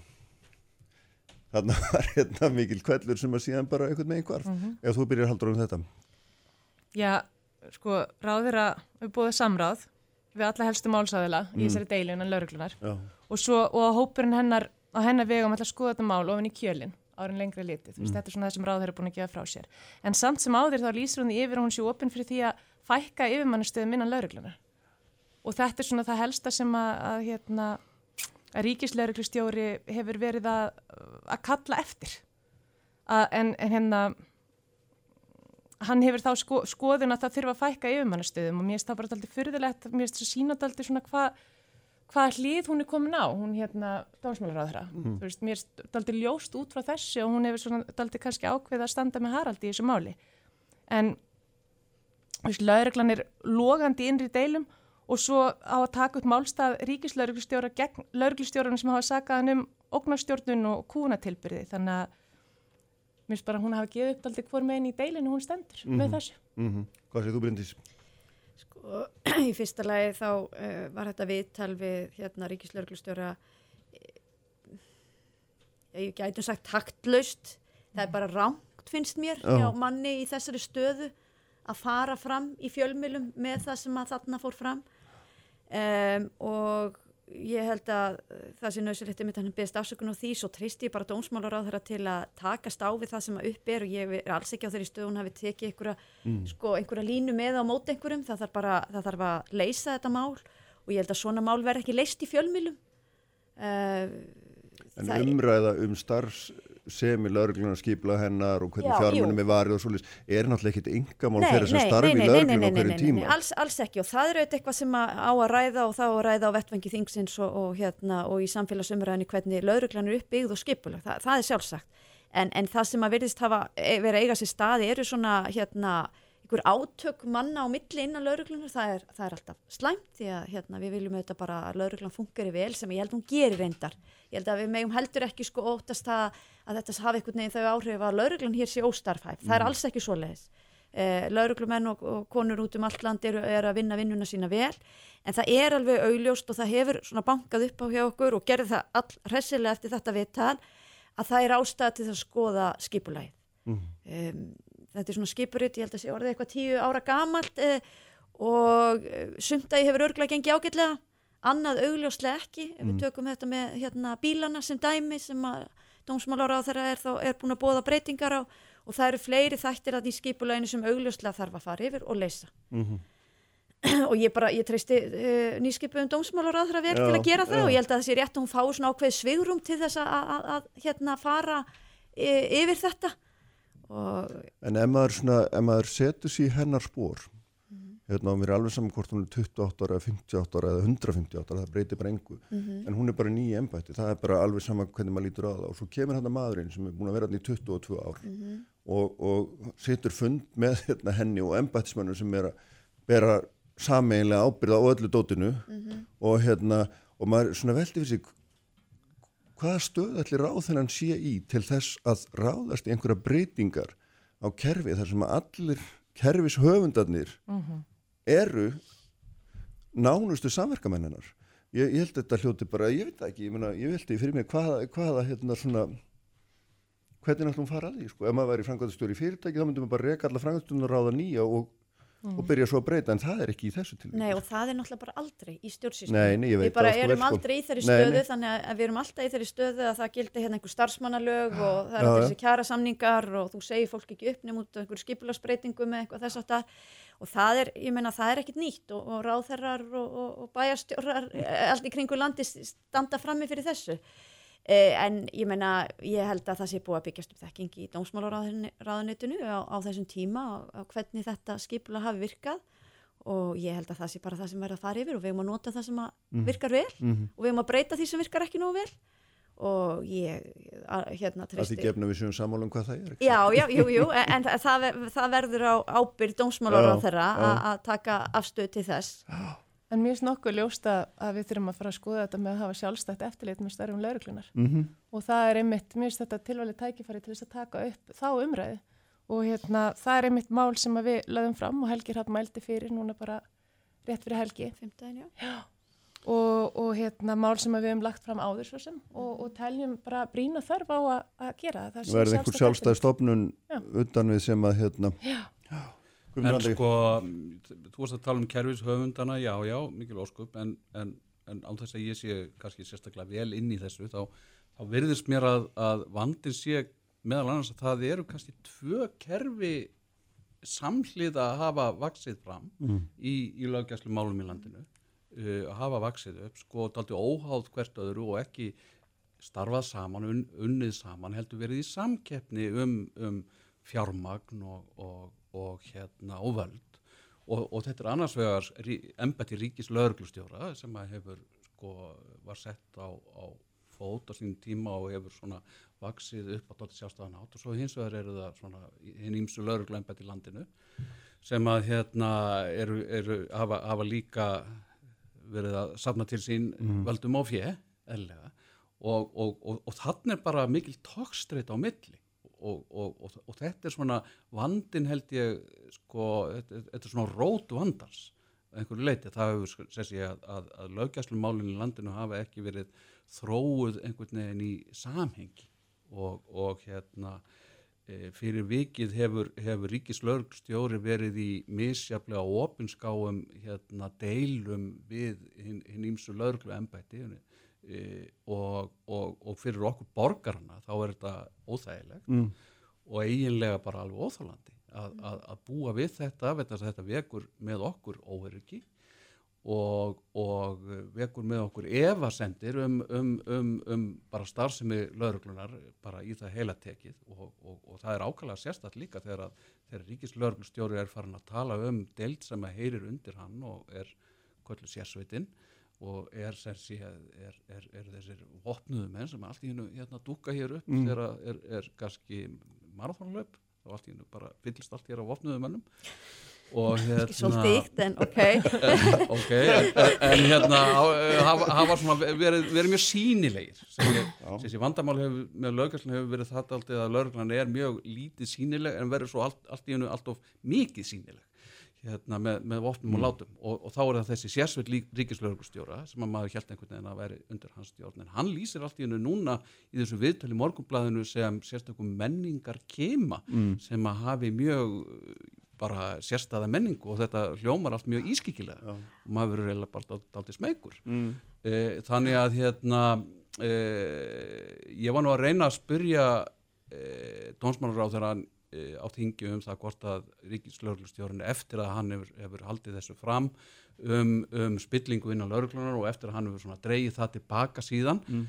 E, hvort, að, hvort að hann nýtti trös hennar og hún svaraði því nú ekki ádrátt að löst hann, hún sæði eitthvað á þá leið að, að hann nýtti tröst eins og allir aðrir ennbættismenn nýtti tröst meðan þeir séu í ennbætti eh, en, en hérna En það er ekki hægt að svara þeirri spurningu með neinum öðrum hætti sko. Hérna ræðistól alþingis. Kanski Kanski ekki. Elda held ég að þú hefði líka alveg vita það. Já, kann, ég, ég segi það nú Nei, ég vissi ekkert hverju hún myndi svara sko. En, en hérna það er eins og að ljósta maður í, þess, maður í þessari stöðu sem hann er Já. hann verður hann verður tröðs verður, og ekki bara tröðs ráð þeirra heldur, heldur bara samfélagsins hann verður njóta samfélagslegs tröðs og hann verður að ganga fram með þeim hætti að það við ekki tröðst mm. Mér langar já. að ég má aðeins já. hérna, ég sett inn fyrirspurti dónsmárar á þeirra fyrir líklega ári síðan ég apel meira uh, til að forvitnast um hvernig, hvað árangur við höfum náð varðandi kynferðistafbrotin mm -hmm. út af því að þar var gerð breyting á, á þeirri deilt hjá hérna laurglustörunum og höfuborgarsvæðinu og þeir breyttu alveg svona því verkferðlum, fengu líka inn auki fjármagn og, og hérna gáttu þar lendi fjölgamönnum og það er, ég fekk mjög ítalegt og gott svar það sem að alveg gríðilega mikill árangur hafði nást og þetta var það sem við vorum að glýma við mm. í hérna í réttakerfin okkar að það gekk ekki nú rætt og vel mm. að rannsaka málinn og það olli því ofta á tíðum að það var ekki hægt að ásækja, uh, ákjæra segja. Um, þetta er til dæmis eitt dæmi um það, þannig er búið að finna upp verkla hjá staðsta lauruglundæmin okkar í þessum mikilvæga málaflokki en svo eru kynferðisafbrót rannsöku með öðrum hætti eða öðru verklagi mögulega annar stað mm -hmm. og þetta er eitt af því sem ég skil ekki, er ekki skinsamlegt að við þegar við byggjum já, upp svona sértækka þekkingu að hún sé bara fyrir landið all já, alveg eins, ég menna já, þannig að ég held að, ég held að þetta bara, ef ég nefni þetta sem eitt dæmi kallar að það, það þarf einhvern veginn að stokka upp þannig að við getum notað mannablan sem mm, best mm. og tala um sko, þekkingu og verkferðla sem virka. Mm -hmm, Haldur að loka orðum þetta áður með gerum smál hér Já, jú, ég bara minnst freka að ljósta að eitthvað er til í áveikjum lauruglumanna og lauruglustjóra, gagvart ríkislauruglustjóra því að það er ekki bara lauruglustjóranir sem eru að uh, held, og yfirmenn sem eru að gaggrína stjórn, stjórnunastílinn hans heldur fjöl, fjölmörg lauruglufélög, svo líka líka til grundvallar óhreikjanlegar staðrendir varandi fatamál og rekstur hérna bílamiðstöðar og fleira þannig að ég, ég held að þetta sé bara í höndum dónsmálaróðara núna og, mm. og ríkisendur skoðandar sem er að gera útækta á þessum störfum Já. En hérna það er bara, mér slíka bara, bara endur taka og segja það aftur hversu mikil þörf er á því einmitt og bara hefur sínt sig að þessi lauruglu nefndir kannski ekkert alveg að funkar eins og nátt að gera og það er bara þörf á, á hérna ytra eftirliti. Já. Sjálfstæði eftirliti með laurugli. Nákvæmlega. Heyrðu, við skulum hérna taka smáli og, og höldum áfram hérna Guðmundur Andri og Bryndis Haralds og Haldur Móðursson. Sprengisandur, alla sunnudaga á bylgjunni. Sprengisandur, alla sunnudaga á bylgjunni. Sælir hlustandur höldum áfram hérna þau eru hjá mér Guðmundur Andri Tórsson, Haldur Móðursson og Bryndis Haraldsdóttir. Við vorum að ræða hér aðeins lauruglumál, Guðmundur og Gerfinsmál, við ætlum aðeins að venda okkar hvaði í krostaldi núna og hérna einhverja mínutur aðeins að tala um hérna mál sem er mjög í deglunum sem eru samgöngumálinn hérna, sérstaklega þetta á höfuborgarsæðinu sem var játi það að maður er eitthvað með, með nefið og hann í eigin koppi alltaf hérna, en þetta er alltaf mjög myrkilegt svona uh, hvernig þetta er að þróast allt og, og, og uh, stórtæka fram gændir uh, framundan uh, en, en við erum svona að menn við eigum að það er ekki lengur að láta döga að greiða þessi göld sem við erum að greiða nú þegar fyrir afnóta byrjuðum heldur ég að leggja okkur hér sem við hér búum sérstakar skatta til þess að hérna, svo við getum ekki fram og aftur um göndar hvernig svona hérna, hvernig hugnast ykkur þetta? Er þetta góð aðferðafræði? Er þetta, þetta sangjart og eðlilegt? Hver vil byrja? Við höfum ekki drosa langan tíma. Ég skal byrja. Já. Eh, hérna, sko fyrir það fyrsta þá er ég mjög spennt fyrir þessum svo kallað höfuborgarsamningi sem mm. verður kynntu núni í næstu viku og ástæðan fyrir því er að ég held að í fyrsta skipti séum við að sjá sko, einhverja heilstæðar lausnir fyrir þetta svæði hérna og ég hef reynd að tala fyrir því að við þurfum bara að vera með sérstakka samgöngu áallum fyrir höfuborgarsvæði því það að byggja einhver einn göng eða, eða brú eða eitthvað einhverstur út af landi getur bara umbylt því svæði hérna er það ekki þannig að ein mislega gatnamóti eða einhver einn framkvæmt breyti öllu hér er umferða flæði mm -hmm. Uh, og þessi vinna er búin að vera í gangi bísna lengi og ég tók þátt í henni á vettvangi sveitastjórnamanna þar að segja að gera svæði skipula hérna, gera ráð fyrir svona umferða ásum sem áværi þá almenningssamgöngur í sér eh, þetta þróaðist svo þannig að þegar Jón Gunnarsson var ráð þeirra þá tók hann þessar hugmyndir allar upp og létt fara fram inn í ráðunitunni úttækt á því. Uh, Sigur Ringi vann svo áfram með málið í samstarfi við hérna, bæjarstjóra og borgarstjóra. Og nú erum við loksins í fyrsta skipti að sjá einhverja heildstæðalöst þar sem við erum annars vegar að fara í stoppvega framkvæmdir og, og liðka fyrir umferð, við erum líka að fara í borgarlínu sem er mjög mikilvægur þáttur í þessu til þess að auka valfrelsi einstaklingana um það hvaða samgöngumáta þeir velja þessi raunveruleg uh, raunverulegu valkostur að nota sér alminnsamgöngur og svo aðrar aðgerðir sem að, snúa að því að annars vera greiða fyrir umferð og hjóla umferð og gangandi. Mm -hmm. E, jú, svo, svo hvernig á að fjármagna þetta? Hluta auðvitað kemur bara beint frá, frá ríkinu, hluta kem, af þessu kemur frá sveitafélagunum sjálfum en við erum líka að tala um uh, einhver, einhvers konar útfæslu á veggjöldum sem er auðvitað hugmynd sem er búin að vera í umræðinu í, í svona tíma. Og þú segir, já, sko, rukk okkur eitthvað meira, ég kom nú hinga til dæmis á rámaspilnu mínu, mm -hmm. þannig að ekki borga ég nú einn göld af honum og það er búin að sérstaklega kvatar fyrir já, okkur og já, við höfum náð miklum árangur í orkusskiptunum, mm -hmm. þannig að það sem við erum að horfa fram á núna er að við þurfum bara nýtt eh, módel fyrir það hvernig við ætlum að taka skatta af vakstri mm -hmm. vegna þess ymmit að okkur er að ganga svo vel með það að færa okkur yfir í Þannig að þér finnst bara eðlert að við færum skattlagninguna úr hérna, einni aðferð í aðra. Já, að því að þú ert til rauninni... að borga vegtóll en, en hérna, við sleppum hérna bensinskattinu Já, og það er bara það sem við erum það, þetta er bara breytið tímar mm -hmm. og við erum að horfa í, á það að þetta sé að breytast og þess vegna þurfum við að útfæra gjaldtökuna með þessum hætti Vist, þetta er alveg rétt, þetta er nýtt mótel af skattekju og hvernig við ætlum að greiða fyrir veginu og það, það er það sem ég finnst að vera svo fyrirlegt við þetta að það eigi að, að bara setja það í gang með svona óbúslega litli samtali við almenning. Um, mér finnst að þetta þyrti að vera hluti af mun starra samtali um hvernig við viljum fara aðeins í framtíðinu heldur en bara að skella fram einhverju nýri gjaldtöku á, hérna, á borgarbúa í svona ósætti mm -hmm. borgarbúa út af því að það er ekkert eins og fólk sé neitt gríðarlega sátt með þessa hugmynd en ég skil alveg þörfin á að fara að hugsa upp á nýtt hvernig við ætlum að skatleggja og annað og hvernig við ætlum að greiða fyrir vegin okkar mm. en varðandi sko veggjöld, veggjöldin þá er þetta líka einstaklega svona ónákvæm leið til þess að ná einn tekjum og það þurft að til og með að setja hlið út um allt mögulega sem að færir okkur kannski nær þessu eftirlits Veist, það væri mun næra lægi að setja á kílometragjald eins og hérna þá væri hægt að taka burt bensingjaldi en halda kólefnisgjaldinu.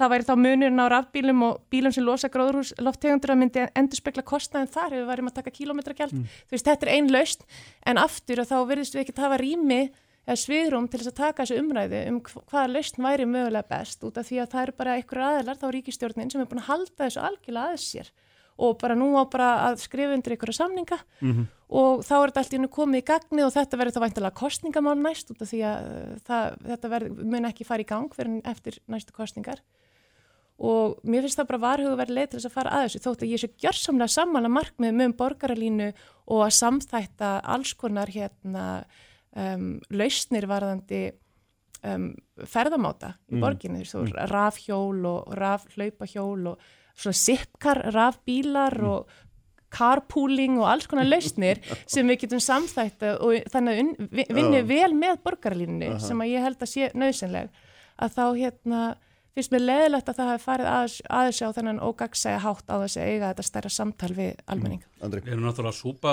segðið af því núna mm. sko, sem að hérna, hvernig, bara hvernig við höfum byggt upp þessa borg og þetta höfuborgarsvæði. Þetta er, er, er ákvæmlega drefbílborg og við búum ákvæmlega dreft og, og, og okkur finnst náttúrulega gott að búa svona stort og, og hafa svona gott space í kringum okkur og hérna það er bara eina af þeim þægindun sem við höfum vanist og við, við hérna og gera það verkum að það er svo gott að búa hérna. Eh, en þetta hefur það hins vegar för með sér að samgöngur eru aldrei í klessu. Mm -hmm uh, á öllu svæðinu og, og, og ef ekkert yrði aðgjert, heldur kannski bara byggði einhvern minsta gatnamót mm -hmm. uh, þá, þá verður það algjörð neyðar ástand á endanum sko okkur finnast ræðirna slæma núna en, en, en, en býðið bara þegar hérna, virkilega þegar fólksfjölgunin verður hér eins og, eins og spár segja tilum 70.000 mann sem bætast við fram til ásins 2040 Ná, mm -hmm. Nákvæmlega, já, já. en sko skattlagning á daglegt líf fólks í nöðsynja erindum er aldrei einfalt mál og aldrei sjálfsagt mál og, og hérna e, og hér er um að ræða uppbyggingu á innviðum samfélagsins sem að sko ég myndi e, og, og, og svona í prinsipunum finnst mér að innviðir samfélagsins séu samfélagslegt úrlösnar efni að byggja upp og, og það eigi að greiða úr sammeilum sjóðun landsmanna mm -hmm. en ekki með skatlegningu á, á, á hverja og eina fjölskyldu. Mm -hmm. Þetta er svona prinsip, mm -hmm. en, en svo flæki náttúrulega málið er að við erum að reyna að flýta fyrir orkarskiptum, við erum að reyna að beina fólki yfir í mhm. Umhverfisvætni umhverfisvætni sangvöngumáta, við erum að beina fólki yfir í almenningssangvöngur og við notum til þess hagræna kvata. Okay. Það er bara örst, örstugt út af því að það verður og svo verður við að hætta. Sko, þú veist, núna finnst mér bara ríkistjórnund aldrei verið að stilla uh, borgarmeirilutanum uppi, uppi vekk þegar kemur að því að, að hérna, fjármagna þetta. Mm -hmm. Út af því að þetta er búið að vera núna plön um borgarlínu í greiðlega langa tíma og það er bara eðlert að ríki ríkisjóður greiði sinn hluta af þeim gjöldum við erum búin að borga þessa skatta við eigum þessa peninga en þá á allt í hennu bara að setja á veggjald sem er ekki búið að eiga neitt líðræðislegt samtali um og, og borgar meirlutanum er algjörlega stilt upp við vegg um að mm, bara þau fá ekki sína borgarlínu og ekkert fyrir gang nema að þau samþykji þetta. Mm -hmm. Þetta finnst mér hrikalega slengt að fara að þessu þennan mm. hátt og maður langar líka til þess að minnast á að þetta snýst líka um sko til dæmis hvernig við breytum samfélagin okkar og hvernig við lifum lífin okkar þegar kemur að styttingu vinnuvíku, ímyndið ykkur hvað stytting vinnuvíkan hefði gríðilega mikil áhrif á ferðaveininar okkar og hvað það getur verið umhverfisvænt og haft áhrif á að losa þessar umferðastýplur sem eru mm. alltaf á þessum há annað tímum hvernig þetta myndi allt breytast ef það væri meiri sveianleiki á vinnumarkaðinu með hvernig við værim að fara í og klára vinna. Það er bara mikilvægt hlut á umræðin líka. Já, hérna brindist síðust orð. Já, bara ég held að fólk hefur bara aðeins að andoni kviðin og býða eftir að fá kynningu á, á þessum pakka. Mm. Eh, ég held að sé ekki verið að stilla neinn með vegg, ég held að sé ymmit bara nokkuð þver pólitík sátt um þessa leið. Þetta er búið að vinnast á vettvangi sveitarstjórna og borgarstjórnar hér, þar sem við erum með held í flesta flokka að, sem hafa komið að borðinu Uh, svo er þetta unnið með hérna í samstarfið ríki núna umræðinum veggjöld þetta hefur verið bara töluverð á síðustu árum mm -hmm. Og það er ekki búið að útfæra nákvæmlega hvernig þetta á að vera og það er þá ennþá eftir umræðum það hvaða útfærsla hendar best. En ég meina samtalið hefur átt í stað og þetta er mm. það sem við erum búin að vera að ræða og við erum búin að fjalla um þetta í efnaðs og viðskiptanemndum næstu hvaða leiðir verða þegar mm. við verðum hérna göldin þetta niður og það allt saman. Ég kannast ekki við meina að við erum pólitísku sátt. Þetta eru mjög mikilvæga framkvæmdir og, og það er mjög brínt að ráðast í það en það er ekki sama hvernig það er gert. Og, og ég er aldrei samláð því að, að, að, að borgaryfirvöldum hefur verið aldrei stilt upp í veg að þau verði að taka þetta á þennan átt e, e, annars bara báðu ekki neitt Eh, en við þurfum náttúrulega alveg sérstaklega að gæta að því í tengslu við þetta alls saman að tekju lág fólki sér hlýft og, og það finnst mér að vera meginandri. Ljómandi, takk fyrir öllum fyrir að koma, ég verði að hlaupa hérna yfir í sorpirðumálinn. Haldur á Bryndís og Guðmundur Andri þau verði hérna hjá mér, Sara Dögg, Svalendadóttir og Birgir Jón Jónsson eftir augnablik. Takk. Sprengisandur á bylgjunni. Kraftmikil umræða alla sunnudaga. Sprengisandur á bylgjunni Uh, Sælir átturlustendur, þau eru farin frá mér Guðmundur Andri, Haldur Móhansen og Bryndís Haraldsdóttir, Birgir Jón Jónsson er sestur hérna hjá mér, bæðaföldur í Kópavói stjórnaforma Sorpu, velkomin Birgir Takk. Uh, og Sara Dögg Svalendadóttir er í símanum, einhver staður utan á heimi. Sæl og blessuð. Sæl og blessuð Já, blessuð og sæl. Herðu, við ætlum rétt að fara hérna að tæpa á þessu Sorpumáli aðeins hérna Sara uh, hérna, ég ætla að byrja eins á þér þú ert í hóp, þeim hópi sem hefur sett fram úrskum að hérna að þessum, uh, þessum vannköntum á fjárfestinga og restra áallum sorpu sem að þér finnst vera stórvægilega verði mætt með því að setja einhvers konar neyðar stjórn yfir byggðarsamlæðið. Mm. Er það ekki rétt skil hjá mér? Jú, há rétt. Það er bara svolítið ljóst í okkar huga, okkar bæjarfulltrúa á höfuborgarsvæðinu viðresnar að þetta verkefni einhvern veginn e, farnist bara sérstakra rannsóknar og við höfum e, gengið svo langt að mörgum þykir að, að óska eftir því að að frangotastjóri viki frá tímabundi á meðan á slíkri rannsók stendur. E, það er kannski það sem er í og sér þetta líka annað að það er e, sorpa er marg ítrekkað úttekki fyrirtæki mm -hmm. og það eru gegnum alls konar hérna, úttekti stjórnsýslulegar og, og, og fleiri. Þannig að það er, það er eitthvað óæðilegt í gangi þegar að, að eftir, eftir slíka yfirsýn sem að hefði haldið að væri þá að fást með slíkum úttektum að enn er einhvern veginn e, þannig stakka að það eru bara klúður og hann er klúður. Ertu að tala um hérna, sagt, þessi tvö aðskildu verkefni að þurfa að fara yfir þau sérstaklega, ertu að tala um sorpu í heilsinni? Þessi tvö aðskildu verkefni þarf að rýna í hvað, hvað fór úrskeiðis og hvað segna. Mm, það, það líkur að ljóst fyrir að í, í fundagerum sorpu að þá er, þá sér maður, ef maður rekur sér tilbaka, að þá er ítrekka verið að senda áallanir tilbaka inn í sorpu og stjórnir óska eftir frekari og ítalegri upplýsingum um, um stöðuna. Og, og það er einhvern veginn svona eins og það sé ekki verið að vanda til verka þegar, þau, þegar þessar, þessar, þessar, þessar stöðum að kemur hverju síni því það vantar alltaf einhverju upplýsingar. Það sem er, þykir, okkur þykir frekar svona, já, merkjum að það fyrir þá að, að rannsaka betur hvað er sem að gerast þarna þegar að þegar að svona er. Mm -hmm, mm -hmm. Birkir, sko, hérna, það er alveg rétt að maður fer yfir þessa fundagerið, þá sér maður að það er marg ítrekka verið að ræða restra áallinir, fjárfestinga áallanir og hérna frá því að þú tóst þarna við fyrir hvað um ári síðan er ekki svo, mm -hmm. eða rétt rúm ári og hérna, og það er aftur og aftur verið að fara yfir þetta, alveg, alveg förðulegt í raun og veru að hérna, þetta komi upp síðan núna þessar, þessi hérna, þessar vanáallanir eða miskilningur eða glimska eða hvað sem maður kalla fyrir sem nú er búið að velta þessum tölum fram og aftur sko ótal sinnum. Það er alveg rétt að, að það hafa verið gerð mistök í ferlinu og það mm. þarf að taka uh, ferla innan félagsins til endurskoðunar og ég held að við Sara séum í grunninn sammála í því að þetta mál þurfi að greina frekar enda tók stjórnfélagsins þá ákverðin á síðasta fundi að fjela mér og varuformanni að fá óhafan aðila til að gera útækta á mm -hmm. starfsemi félagsins. En, en neina útæktina? Já, í raun og veru myndum við nú þá halda að, að svo vinna í fortíðinni sem við höfum fyrir framann okkur að hún geti gagnast við slíka útækt en mm -hmm.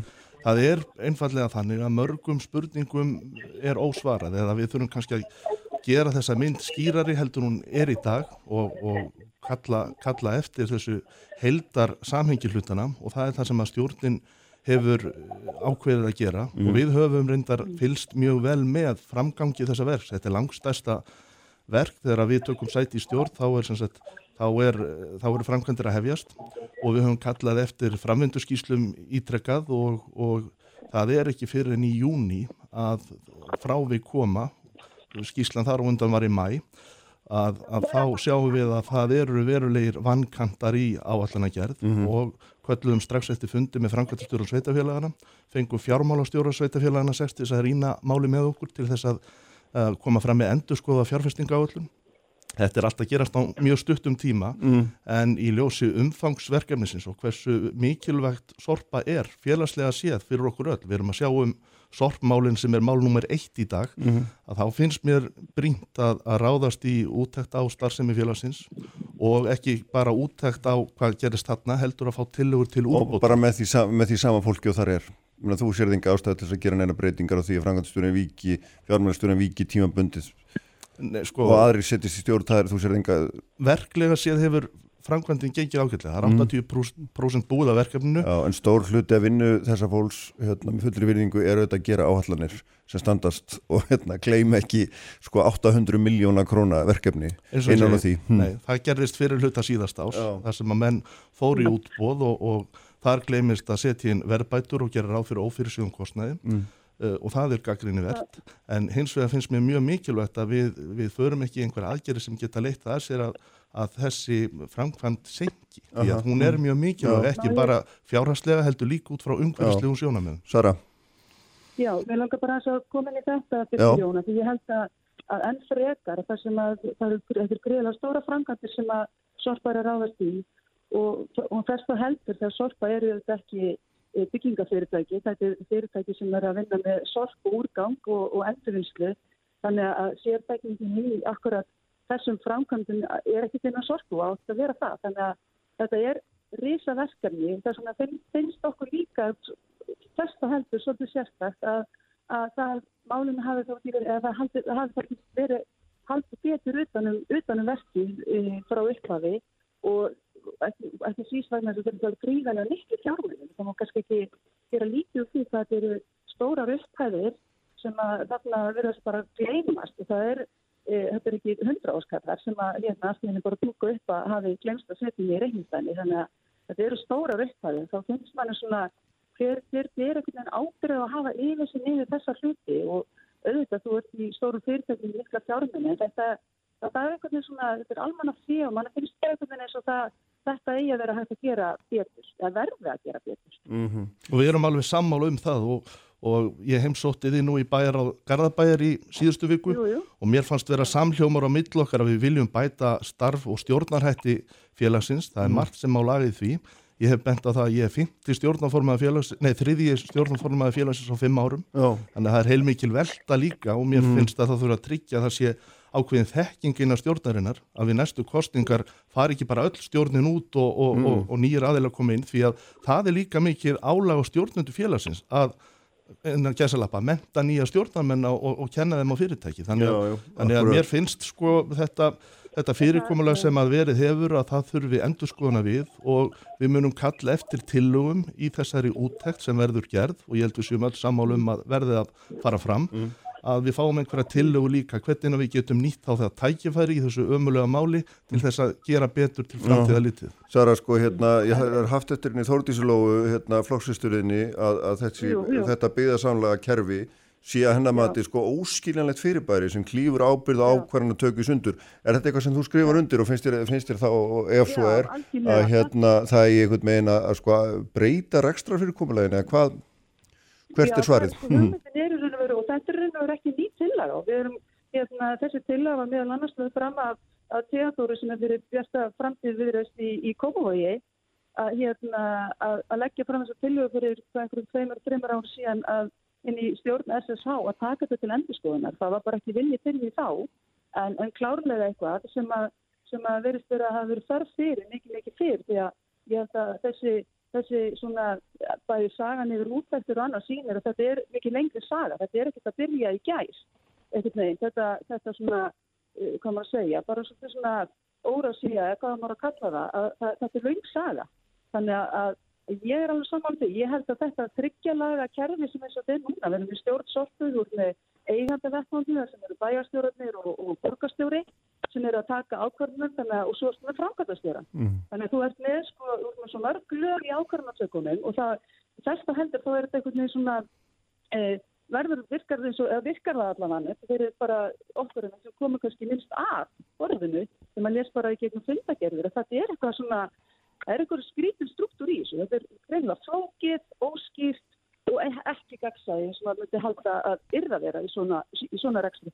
Mm -hmm. Sko þarna Birgir Jón, það er, það er þetta sko, áhugavert sem þú nefna um fjölda stjórnaformanna og stjórnamenn rúla hann mér hratt í gegn og, og hérna svo er það líka þannig að stjórnmála menn eins og ágættir þeirra eru nú að hafa nú ekki sérþekkingu á öllum málum og alveg öruglega ekki sérstaklega á rekstri sorpu eða frekar en annara fyrirtæki og þetta spurningin að eiga að vera sko fagmenn stjórnum eða þurfur þetta að vera kjörni fulltrúar, það fyrir líka spurningum ábyrðina og hérna hvernig hægt er að draga menn til ábyrða því nú er þetta aldrei þannig að það er raunverulega bera eiginlega engin þessu.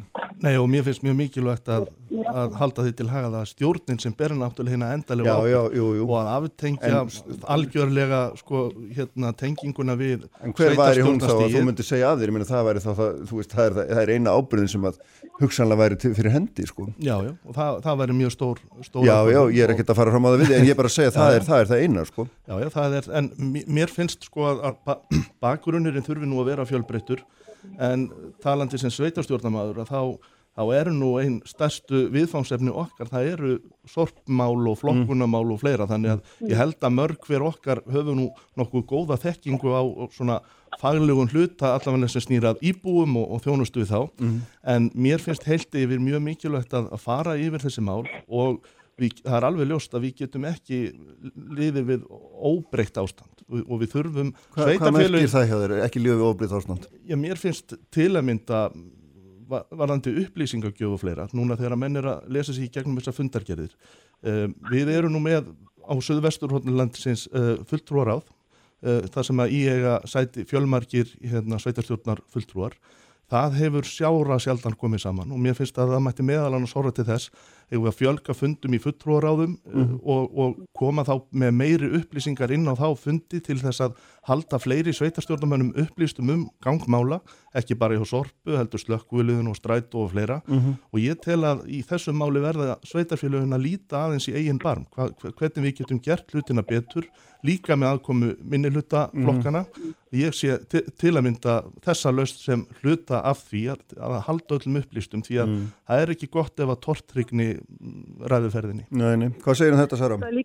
Já, ég sko, að þetta til alveg sammála því að þetta, eða líka maður verið að hugsa yfir því, sko, hlutur sko ábyrg e, þess þeirra kjörna fulltrúar sem að skipast í stjórnir. Það eru auðvitað fulltrúar meiri hluta í, í, í sveitarstjórnum.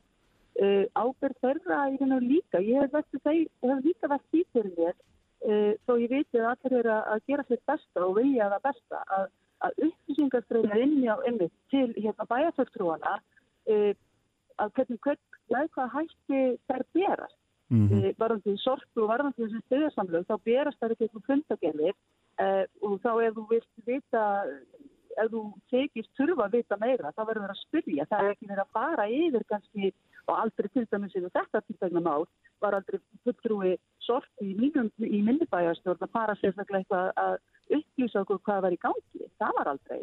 Þannig að maður þarf líka að hugsa betur hver er ábyrðin, hvernig ætlum við sem fulltrúar ef, ef þessar stjórnir eru máli, hvernig ætlum við að vera upplýsandi og vera í alvörni með gagsa í upplýsingarströmi mm. til kjörna fullta. Ég held að það skiptir líka mjög miklu máli. Já og hinn hérna, hin hlýn á þeim peningi er náttúrulega það að það er ekki það er til eins lítils að dreifa upplýsingum en menn get ekki grepið til nefna aðgerða á grundvelli þeirra upplýsingar sem þeir, sem þeir fá ekki satt og þá er þetta verða verður minni hlutin á hverju staði eða hver svo sem það er hérna, hafa einhverja leið til þess að, að hérna, kalla eftir einhverjum aðgjörðum Já, já, og ég hef, ég hef verið í, í þeirri stöðu, ég var minni hluti í Kóp og mm. allt síðasta kjörþjóðabil ég er í meiri hluta núna en skoðun mín á þessum stjórnarháttum hefur ekkit breyst þrátt fyrir það nei. og ég tel að, að, að það þurfi einfallega allir að vera lausna með þeirra í þessu og og alveg ljóst að við þurfum að, að bæta úr núverandi fyrirkomulegin.